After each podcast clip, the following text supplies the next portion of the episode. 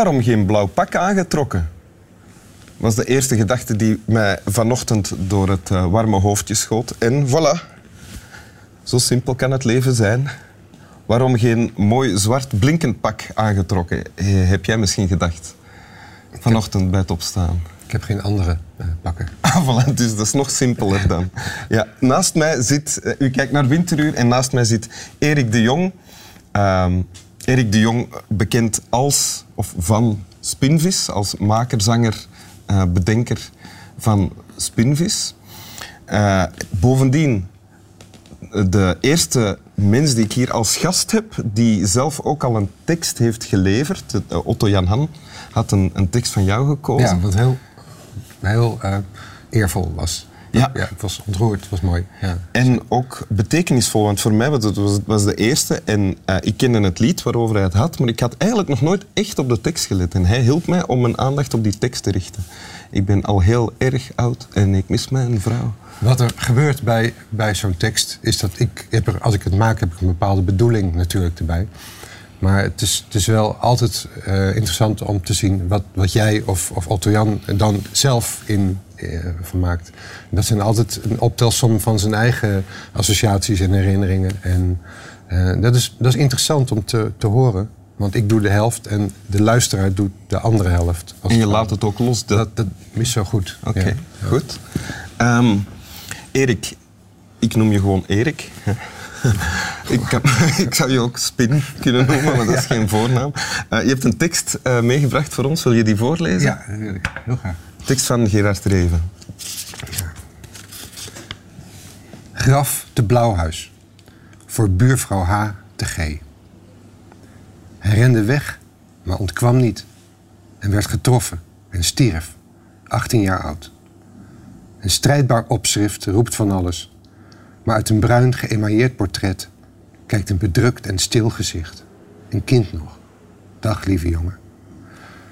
Gij die koning zei dit en dat, wat niet al. Ja, ja, kom maar eens om. Gij weet waarom het is. Ik niet. Dat koninkrijk van u, weet u wel. Wordt dat nog wat? Dankjewel. Wa wanneer of hoe heb je dit leren kennen? Op de best uh, denkbare leeftijd, denk ik, die je kunt hebben als je gaat, uh, gaat lezen. Als je literatuur gaat lezen. Zo. Dat is 15 jaar. Ja. Of 16 jaar. Zo. Als je nog heel ontvankelijk bent en alles ja, wonderlijk Het is een soort magische leeftijd, is dat. Mm -hmm. ja. Je bent uh, geen kind meer en uh, alles... Great expectations en je voelt van alles in jezelf... wat misschien nog tot bloei moet komen. En dan ga je, dan, dan ga je lezen. En dan zijn er een aantal leraren zeg maar, in je leven... En um, dat zijn dan kunstenaars of, of, componisten, liedjes, natuurlijk, de Beatles. Uh, ja. En Reven. Die vormgeven, woorden geven of muziek, uh, met muziek vormgeven aan dingen ja. die, er al, die er al leven. Hè? Die daar al leven, maar ook ze, ze reiken je aan wat je de rest van je leven zult gaan, uh, gaan meebrengen. Je, je wordt geboren in een huis en, je, en je, je ouders hebben een bepaalde smaak dus van muziek. En dat is je, dat is je lot. Je, dat, vanaf dat moment is dat jouw, zijn dat jouw roots. Ja. En, um, maar, en, en, later op die leeftijd, dus dan ga je zelf ontdekken in de wereld wat er allemaal. Dat er andere muziek is dan uh, Harry Belafonte bijvoorbeeld. Voilà, in mijn geval. Ja, ja, ja. Waarmee ik niks verkeerd wil zeggen over Harry Belafonte. Maar daar, daar hebben we het nu niet over. Nee, maar ik wil best over Harry Belafonte. Een andere keer. Okay. Uh, wat staat hier in deze tekst?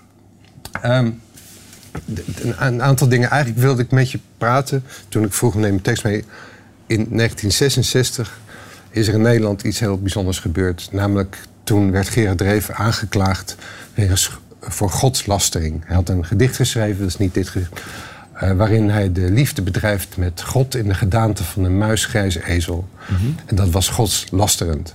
En hij is toen aangeklaagd en hij heeft voor het, voor het Hof heeft hij een pleitrede uh, gemaakt. Waarin hij, er is nooit eerder, vind ik, uh, uh, en nooit meer daarna zo helder en mooi en duidelijk en, en oprecht en erudiet. Um, heeft iemand geschreven over wat vrijheid van godsdienst is, wat vrijheid van artistieke uh, van, um, en, en intellectuele vrijheid is. Dat ja. heeft hij. En vanaf, vanaf dat moment is in Nederland of in, is het pleit beslecht. Dat hoopten we tenminste. Ja. Nu na al die tijd is, geen, is, dat dus, is daar niets meer van over. Moet dat hernieuwd worden? Moet dat hernieuwd worden, ja. En het bijzondere bij Reven was of is natuurlijk dat hij eh, leek te spotten met eh, bepaalde symbolen Ja. of woorden, maar dat hij zelf ook een religieus figuur was. Heel cryptisch. eh, en dat, dat vond ik. Ik, ik ben he- helemaal niet religieus opgevoed. In, integendeel, mijn ouders waren socialisten en atheïsten. En Zoals bij Reven. Zoals bij het klopt. En, ehm, en dus ik, ik, ik begreep, en vaak nog steeds niet, dat grote wetenschappers, schrijvers, intellectuele mensen echt die diep religieuze gevoelens kunnen hebben. En dat, dat heb ik altijd een raadsel gevonden.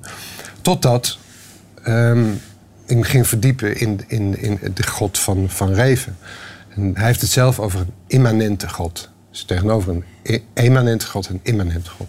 En die immanente God, dat is de God die, eh, die in jou leeft. Dus het meest, meest breekbare, kwetsbare, geheime wat in jou zit, dat noemt hij God. En dan, dan merk je dus ook, ook in dit gedicht, dat hij God aanspreekt als een gelijke. Hij twijfelt zelfs aan zijn bestaan in dit gedicht. Hij zelfs gaat hij nog een stapje verder. Want hij zegt, wat is nu de meest oprechte soort van liefde? Is dat de liefde van een kind voor zijn vader? Nee, want die zit vol met angst en afhankelijkheid. Is dat de liefde van, een, van twee geliefdes, man en een vrouw? Nee, want die zijn ook, dat is ook allemaal... eh, ehm, die willen zichzelf bevestigd zien. Dat is ook de meest waarlijke liefde is die van een ouder, een moeder of vader, voor zijn kind. Dus zoals hij van God houdt, is zoals hij houdt van God als hij van een kind houdt. Dus dat kind moet getroost worden. En die God die zoekt hem zoals hij God zoekt, weet je. En dat is een heel andere en heel mooie eh, manier om, om... Want eigenlijk praat je tegen jezelf. Ik begrijp het nu voor het eerst eigenlijk ook. Nu je het zo uitlegt. Ik ook. nee, dus... Dus dat, dat godbeeld, ik geloof niet in een, in een wezen, een, hoog, een hogere macht die naar ons luistert als we bidden voor een parkeerplaats. Of, maar het is wel een heel mooie manier om op die manier het goddelijke in jezelf te, te zien. En eh, dit gedicht, eh, wat hij doet, het begint met, met een, een, jongen, een portret van een gestorven jongen. Dat is bijna sentimenteel. Ja. En dat is ook goed, want ook sentimentele, eh, dit mag dan niet in de kunst, maar de- gelukkig trok hij zich daar niets van aan. Ja. Sentimentele gevoelens zijn mooie, hele mooie gevoelens. Ja. Maar wat hij direct daarna doet in de tweede helft, is dat hij uitzoomt. Ja. En hij heeft het niet meer over die jongen in het portret. Hij, heeft het, hij kijkt om zich heen naar de mensen en naar het, het gezwoeg en het gefaal en het, de angst en de pijn en de oorlog. En hij zegt, lieve God, dat koninkrijk van u, wordt dat nog wat? Ja. Dus het gaat niet meer over die jongen. Dat, Nee. dat gebruikt hij als een, als, een, als een aanleiding. Maar eigenlijk eh, de verzuchting van het, voor alle mensen. In die, in die eerste eh strofe doet hij, doet, komt het, doet hij het verdriet gebeuren. Mag ik dat zo zeggen? Dat het verdriet vrijkomt Ja. van iets dat je moet loslaten. Iets, Iets, ja, van iets wat is gebeurd, maar direct daarna gebruikt hij dat. Of ziet hij daarin als een fractal, ziet hij daar alle verdriet in. Van Ja. alles. En dan spreekt in, in zulke mooie, heldere, alledaagse taal, dit en dat, wat niet al. Wordt dat nou nog wat? Ja. Zelfs betwijfelt hij het bestaan van God en hij betwijfelt of die God dan wel alles wel kan. En dat trof jou toen al als Ja. 15, 16-jarige Ja. jongen. Ja, ja, ja. Want dat heeft niet te maken met, met, met, met, een, met een hoger wezen. Dat heeft te maken met het, het hogere wezen in jezelf. En is dat dan iets waar jij naartoe gaat of waar je uit put als je muziek maakt of teksten schrijft? Dit vind ik nog steeds eh, eh, moeilijk om zo te lezen, want het ontroert me elke keer weer. Ja. En ik, ik van, ja, als je, als je, mm, als je zijn werk heeft heel, heel, veel, veel kanten. Als je het zou moeten eh, omschrijven, dan, dan slaagt hij erin als geen ander om het hele kleine te verheffen, het hele alledaagse te verheffen naar, naar het grote, het allergrootste. In, in, één, in één streek. En doe jij dat ook? Ga jij ook naar het kleine? Dat, ik probeer dat heel erg te doen, ja. Hoe doe je dat?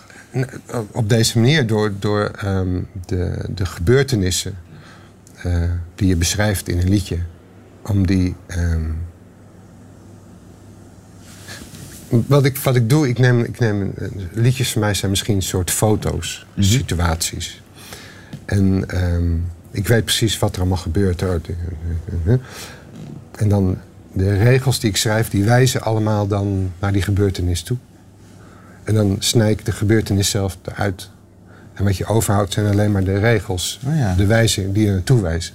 En als jij naar het liedje luistert, dan zie je wel alle aanwijzingen, maar je weet niet meer. Maar dus dat, wat doe je dan? Dat vul je dat dan zelf in. Ja. Want dat doe je automatisch. Ja. En dan is dat geheim, dat vul je dan zelf in. Oké, ja. Dat is een beetje het, eh, de, het, En om tot dat geheim te komen, die, al die dingen die dan daar naartoe verwijzen, de zinnetjes, die ontleen je, ontleen je die ook aan dingen die je ho- hoort of Constant, gehoord hebt? ja. Ik ben altijd dingen aan het opschrijven. En regels, alledaagse zinnetjes, spreektaal.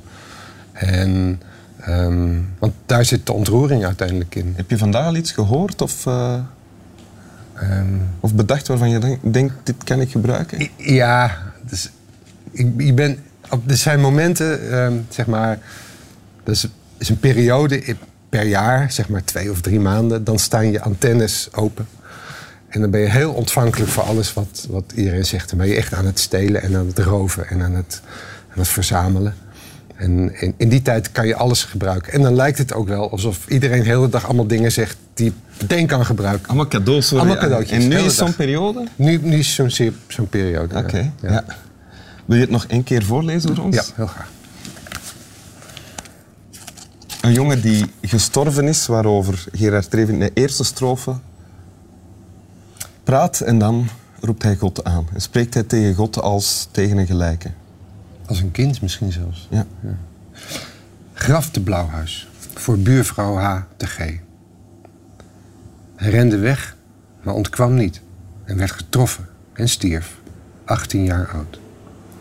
Een strijdbaar opschrift roept van alles. Maar uit een bruin geëmailleerd portret kijkt een bedrukt en stil gezicht. Een kind nog. Dag, lieve jongen. Gij die koning zijt, dit en dat, wat niet al, ja, ja, kom er eens om. Gij weet waarom het is, ik niet. Dat koninkrijk van u, weet u wel, wordt dat nog wat? Dank u. Wel te rusten.